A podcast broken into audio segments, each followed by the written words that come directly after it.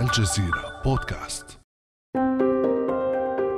في إحدى المدارس الصينية الرائدة في مجال الذكاء الاصطناعي يضع كل طالب في الصف طوقا على رأسه.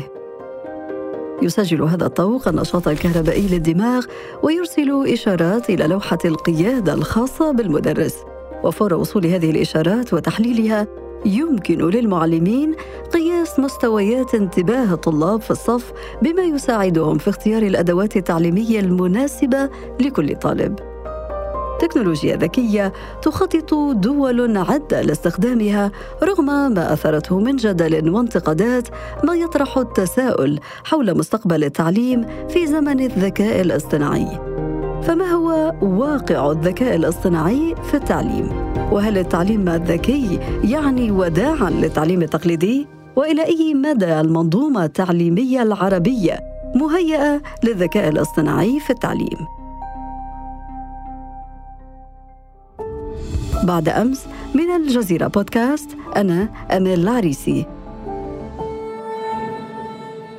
أسعد في هذه الحلقة. باستضافة الدكتور أحمد عبد العالي الباحث في مجال اللغات الطبيعية وكبير مهندسي البرمجيات في معهد قطر لبحوث الحوسبة. أهلا وسهلا بك دكتور أحمد. شكرا جزيلا على الاستضافة أستاذ أمل. يا مرحبا. دكتور أحمد هذا الموضوع يثير الكثير من الجدل في الفترة الأخيرة موضوع الذكاء الاصطناعي واستخداماته المختلفة في التعليم. فما هو الذكاء الاصطناعي في التعليم؟ أهلا وسهلا شكرا على الاستضافة أستاذ امل ونتمنى إن شاء الله تكون حلقة مفيدة لنا والجميع إن شاء الله المستمعين. الذكاء الاصطناعي في التعليم هو استخدام التقنيات الحديثه أو خوارزميات نسميها ذكية لتحسين عملية التعلم وتعزيز فرص نجاح الطلاب وكذلك استخدام آه، الذكاء الاصطناعي في التعليم لتحليل البيانات آه، الطلاب المتعلقه بالتلاميذ ونتائجهم الأكاديمية وكذلك توفير توصيات شخصية مخصصة لكل طالب على حدة آه، بالإضافة إلى تطوير آه، أنظمة تعليمية تفاعلية تتيح للطلاب تعلم بطريقة تناسب احتياجاتهم ومستوياتهم الأكاديمية. اذا آه، هدف للذكاء الاصطناعي هو في التعليم هو تحسين الجودة وتعزيز فرص النجاح الأكاديمي للطلاب. إلى حد الآن كل شيء يبدو إيجابيا دكتور أحمد. آه نعم. يعني آه، الذكاء الاصطناعي الهدف الأساسي منه كما يبدو هو تحسين جودة التعليم وتطوير المنظومة التعليمية. حدثنا عن أبرز التطبيقات الخاصة بالذكاء الاصطناعي المعتمدة في التعليم. آه، بالنسبة للتطبيقات المعتمدة في التعليم آه، مقسمة إلى مجموعة مجموعة تطبيقات أو مجموعة أو نواحي آه، تدخل في إطار المنظومة التعليمية. فمثلا لدينا تطبيقات تعليمية التي تعنى بإدارة التعليم. نسميها نظم إدارة التعليم Learning Management Systems لدينا على سبيل المثال آه، منصات مثل Blackboard ولا Moodle iSpring Canvas وكذلك لدينا مجموعة تطبيقات نسميها نظم التعليم الذكية Intelligent Tutoring Systems. ITS اللي منها آه، مثلا حتى في العالم العربي موجود لنا عندنا المدرسة الرقمية ومنصة إدراك وتمكين دروب رواق نفهم. هذه كلها عبارة عن آه، نظم آه، تعلم ذكية. لدينا كذلك مجموعة من التطبيقات التي تستخدم طريقة الألعاب جاميفيكيشن بحيث أنها تتيح للطلاب أنهم يتفاعلون أكثر مع مع المحتوى التعليمي وبالتالي تحسين أدائهم وتحسين آه، ترقيهم. وكيف تقيم دكتور أحمد كل هذه التطبيقات التي تم اعتمادها في بعض التجارب العالمية سواء على مستوى العالم العربي أو غيره؟ عموما هذه تطبيقات علينا الاستفادة منها لأنها تتيح أشياء كثيرة كما قلت مثلا تحليل بيانات ضخمه فبجمع البيانات حول الطلاب وحول العملية التعليمية ممكن للمدرس وللإدارة وللمدير وكذلك الوطن كامل يستطيع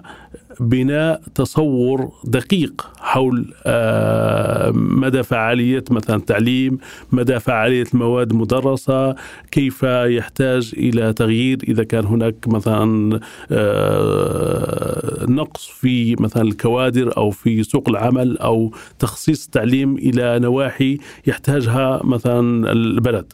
كذلك آه، تستطيع تحديد النقاط التي تحتاج إلى تحسين مثلا على سبيل المثال أن المعلم لما يعطي درس آه، مثلا يرى أن بعض الطلاب لديهم مثلا صعوبة في آه، موضوع معين أو في جزئية معينة. فبدل آه، أن مثلا يضيع وقت من أجل إعادة الدرس كامل ممكن يركز على الجزئية التي يرى أن هناك ضعف في تلقيها. كذلك تطوير أنظمة تعليم مبتكرة بحيث أن الذكاء الاصطناعي يساعد في تطوير آه، أنظمة تعليمية آه، تساعد آه، إما أن تكون مثلا تعليم نرى إلكتروني كامل إلكتروني أو تعليم مدمج بحيث أنه مثلا أنه الأستاذ يعطي بعض المواد بحيث يتيح للطالب أنه يدرسها مثلا في البيت أو في خارج قاعة الدراسة. كذلك بالنسبة للإدارة الأكاديمية تستخدم الذكاء الاصطناعي من أجل تحسين عملية إدارة الموارد البشرية ومدى وأوقات الطلبة بحيث تكون اتخاذ قرارات التي تكون مبنية على واقع بدل ما تكون اعتباطية. إذا كانت كل هذه المزايا هي مرتبطة بإدخال الذكاء الاصطناعي في التعليم في المنظومة التعليمية على مستوى الإدارة المعلمين الطلاب فلماذا برأيك يهاجم البعض الذكاء الاصطناعي خاصة اليوم نحن نسمع يعني رجال أعمال كبار مستثمرين في هذا المجال مثلا إيلون ماسك وخبراء كثر وغيره يطالبون بتعليق الذكاء الاصطناعي آه، لفترة معينة. أظن والله أعلم أنه هذا الخوف أو هذا الهجوم هو مبني على جهل. ولكن دكتور أحمد نحن نتحدث عن خبراء ويعني مختصين في المجال. آه، لا لا شك لا شك أن هذا صحيح ولكن هناك كذلك كما قلت ممكن فرط في آه، الخوف أو عدم المعرفة بعض الجوانب التي قد تعيق هذه الدخول الذكاء الاصطناعي في حياتنا اليومية وفي مجال التعليم إلى إلى آخره. عموما أن أي شيء مثلا أي كما كما يقول أن العلم سلاح ذو حدين وبالتالي إذا توفر أن الذكاء الاصطناعي يمكن آه، آه، تحديده في إطر آه، معينة ممكن هذا راح يفيد الإنسانية أكثر مما قد يضرها. وهذا الحال كل التكنولوجيا التي سبقت من قبل.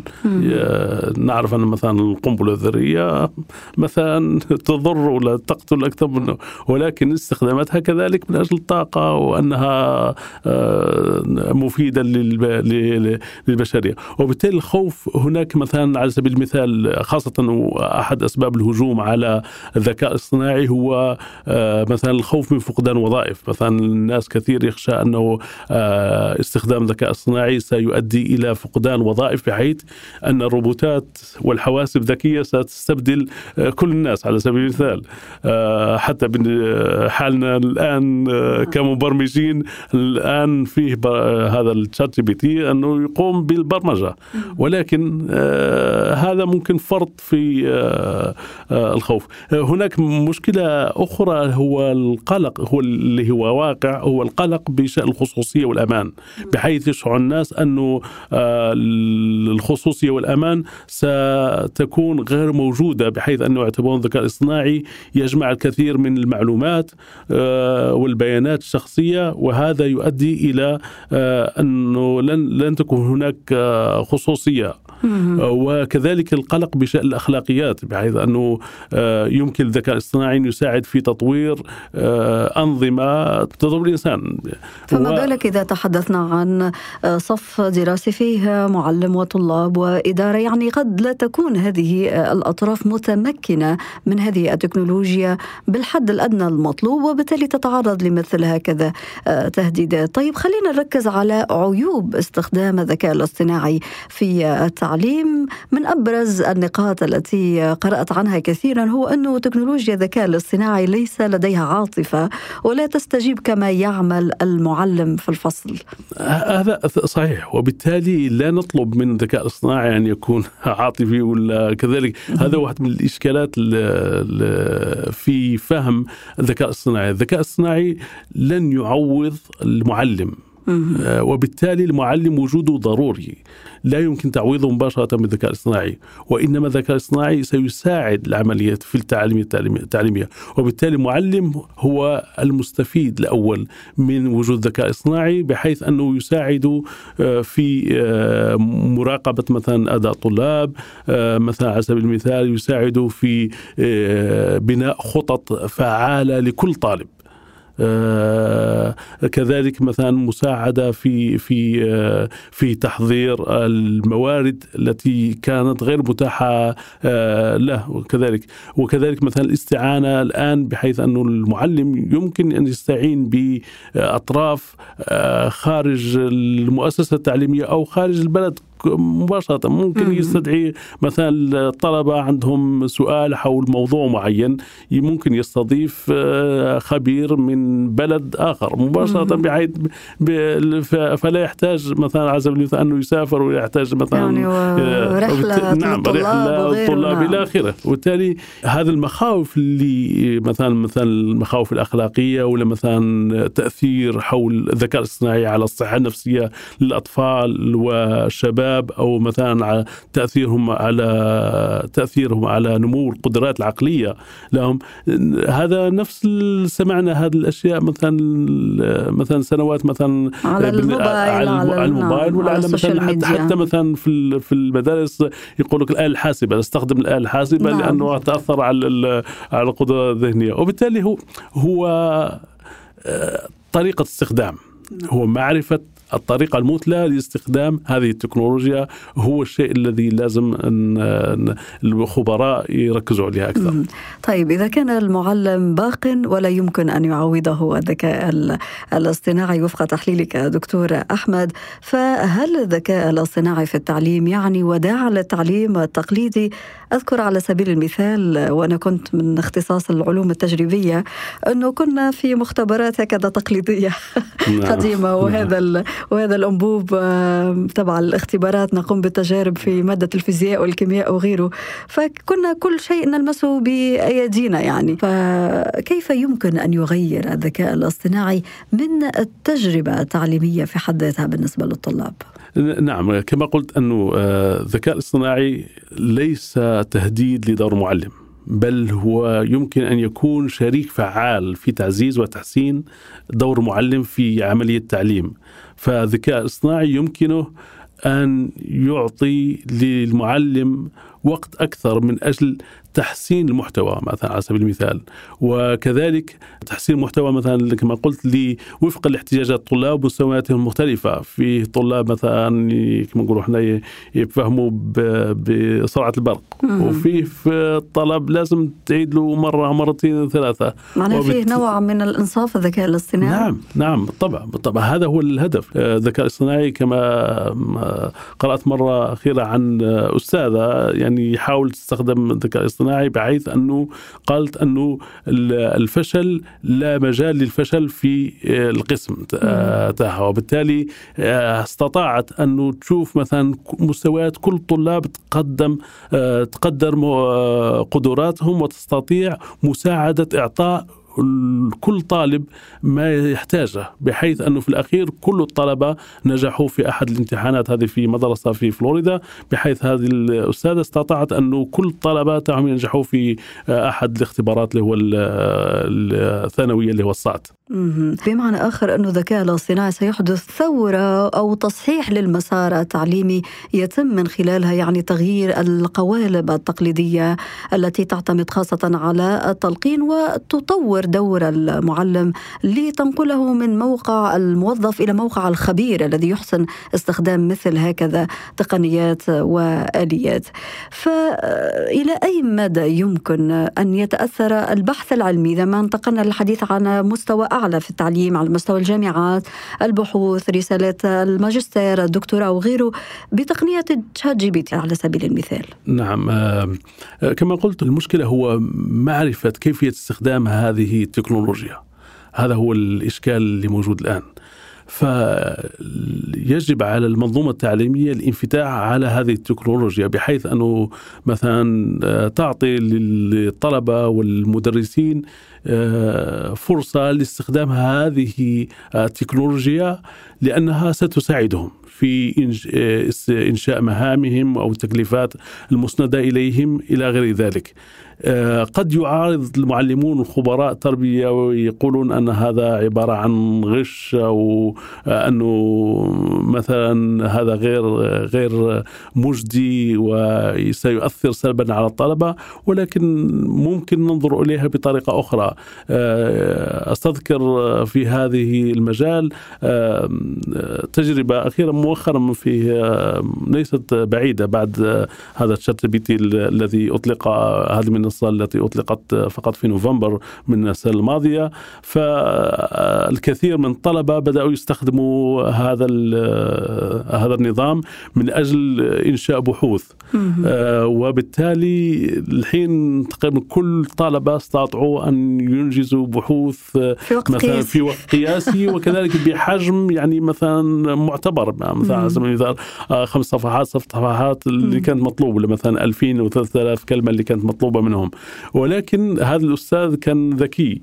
فعرف بأنه خلاص الطلبة كلهم راح آه، يعني آه، أدوا الواجب. فقال لهم خلاص الآن نستخدم طريقة أخرى بحيث أنه بدل ما أنه نقول لكم اكتبوا فقط هذا الواجب ولكن آه خذوا الواجب الذي آه، الذي استخلصتوه أو الذي استخدمتوا فيه هذا ال ChatGPT وصحوه أو دقوه. وشوفوا مثلا ما هي الجوانب مثلا الناقصة في هذا في هذا التقرير. هذا ال ChatGPT راح يساعد في مثلا في مجالات الكتابة في مجالات مثلا التنقيح و وإنتاج بأسرع طريقة أسرع وأكثر فاعلية. ولكن العمل الأساسي للباحث هو كما قلت الأفكار والتجديد والإبداع والتخيل. فهذا الأمر لا يمكن لتشات بي تي ان أن يسويه. وبالتالي يعني المجال البحث والمجال الإبداع هذه مهمة الإنسان. والعقل البشري هو الذي ولد الأفكار وبنات الأفكار دكتور أحمد. وفي حديثنا عن قطاع التعليم هناك قطاع معتبر هو التعليم الخاص والجامعات الخاصة التي تعتبر تجارة در مليارات الدولارات على العاملين والمستثمرين فيها. فكيف يمكن أن تتأثر هذه السوق بالذكاء الاصطناعي؟ لا شك أن الذكاء الصناعي سيؤدي إلى تغيير كبير في سوق التعليم وتحويلها آه، إلى شكل أكثر تقدم وفاعلية. ويمكن استخدام تقنية الذكاء الصناعي لتحسين آه، عملية التدريس والتعليم وتوفير تجربة تعليمية أفضل للطلاب. كما كذلك يمكن أن يؤدي إلى زيادة الطلب على الخدمات التعليمية وليست بعيدة عنا آه، أنظمة أو منصات اللي نسميها MOOCs Massive Online Open Online Courses التي كانت تهدف بالأساس الوصول إلى شريحة كبيرة وخاصة إلى الوصول إلى مثلا الدول التي آه، من أجل ديمقراطة التعليم هذا كان هدفها. وبالتالي آه، استخدام آه، تقنيات متطورة تؤدي إلى تقليل تكاليف هذه المدارس أو الجامعات وكذلك تؤدي إلى مثلا بفضل القدرة على تحليل البيانات والتنبؤ الاحتياجات تؤدي إلى تخطيط أفضل. هذه الجامعات يجب عليها أن تواكب هذه التكنولوجيا وتستطيع الاستفادة منها بطريقة أفضل. فلا أظن أن أن عدم استخدام الذكاء الاصطناعي سيؤدي إلى تقليص هذا سوق التعليم بل ممكن سيفتح آفاق جديدة لهذه الجامعات بحيث أنه تكون حضورها مثلا عالمي بدل أن يكون محصور في بيئة معينة أو في منطقة معينة. ف إذا كان عندهم محتوى جيد فممكن يدخلون إلى سوق منافسة العالمية. فهذه فرصة. نعم فرصة. الذكاء الاصطناعي بالنسبة للسوق التعليمية الخاصة. فماذا عن الدول العربية؟ إلى أي مدى البيئة التربوية العربية مهيئة لاستخدام الذكاء الاصطناعي في التعليم؟ أه لا شك أن معظم الدول العربية أه مؤخرا تشهد تحول نحو التكنولوجيا التعليمية. نسمع الكثير من المبادرات والخطط لاستخدام الذكاء الاصطناعي في هذا في التعليم وفي هذا المجال. ومن المهم أن نلاحظ أن استخدام التقنيات الحديثة أه للذكاء الاصطناعي في التعليم يتطلب بنية تحتية تكنولوجيا متطورة بحيث تتيح لهذه الدول استخدام هذه الموارد. والكثير من الدول العربية لديها مشاريع قيد التطوير آه، مثلا على سبيل المثال آه، مؤخرا قامت وزارة التربية والتعليم العالي في قطر بتضمين مواضع آه، الذكاء الاصطناعي في ضمن مناهج تعليمية خاصة مادة الحوسبة وتكنولوجيا المعلومات كما استحدثت كذلك مسارات للتكنولوجيا في الثانوية. بحيث أن الطالب لديه آه، إحاطة بهذه المواضيع.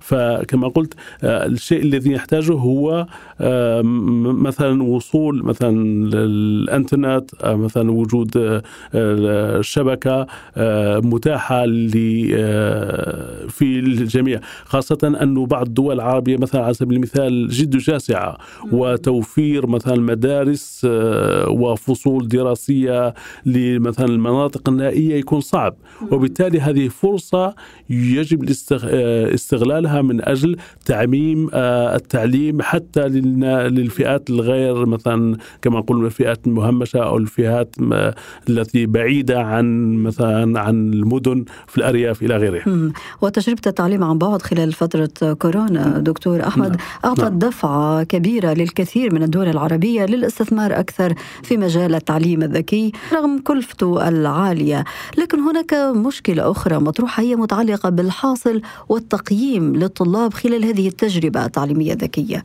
فما رأيك؟ لابد أن نعرف أن هناك حاجة إلى مراجعة طريقة التقييم التقليدية التي تستخدم الآن في تقييم الطلاب وبالتالي الذكاء الصناعي ممكن يعطينا فرصة لتقييم الطلاب بطريقة عادلة وطريقة أحسن لتقييم قدراتهم الذهنية وقدراتهم العقلية بطريقة أحسن وطريقة أفضل وكذلك مقارنتهم بجميع مثلا الطلبة بدل أن يكون مثلا تقييم يكون على سبيل المثال في في منطقة معينة ولا في مدرسة ولا مجموعة مدارس بطريقة التقييم الآلي نستطيع معرفة مستوى الطلاب ومقارنتهم بمثلا في جميع القطر.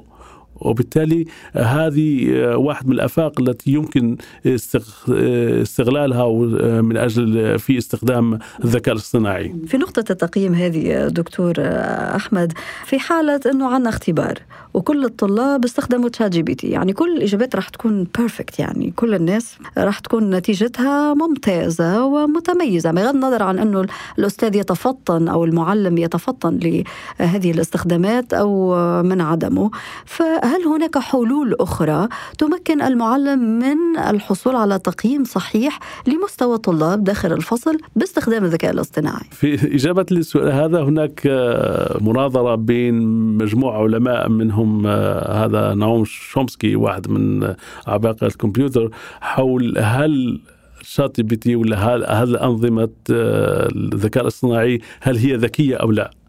يعني هذا هو الإشكال، إشكال لأنه مثلا بعض الأحيان تطرح أسئلة على آه هذا الأنظمة ولكن ليس بالضرورة راح تعطيك إجابة صحيحة، هو المشكلة أنه هذا الأنظمة تعطيك إجابة ولكن يبقى على الفرد معرفة هل صحة أو مدى آه مدى آه صحة هذه الإجابات، وبالتالي في الأخير يعني ممكن أن الأستاذ مثلا على سبيل المثال يحط أسئلة كما نقولوا إحنا التي تحتاج إلى شيء من من التحليل الإضافي بحيث مثلا الأسئلة غير مباشرة أو أسئلة تحتاج إلى مثلا تذكر أشياء كانت من قبل. وبالتالي مثلا أو اشياء بعينها قالها الأستاذ خلال الدرس يعني. أيوه على سبيل المثال. على سبيل المثال لو قلت لك مثلا اذكر لي ثلاثة من الأمور التي ذكرتها في درس آه، مثلا الأحياء آه، في الفصل الماضي. نعم.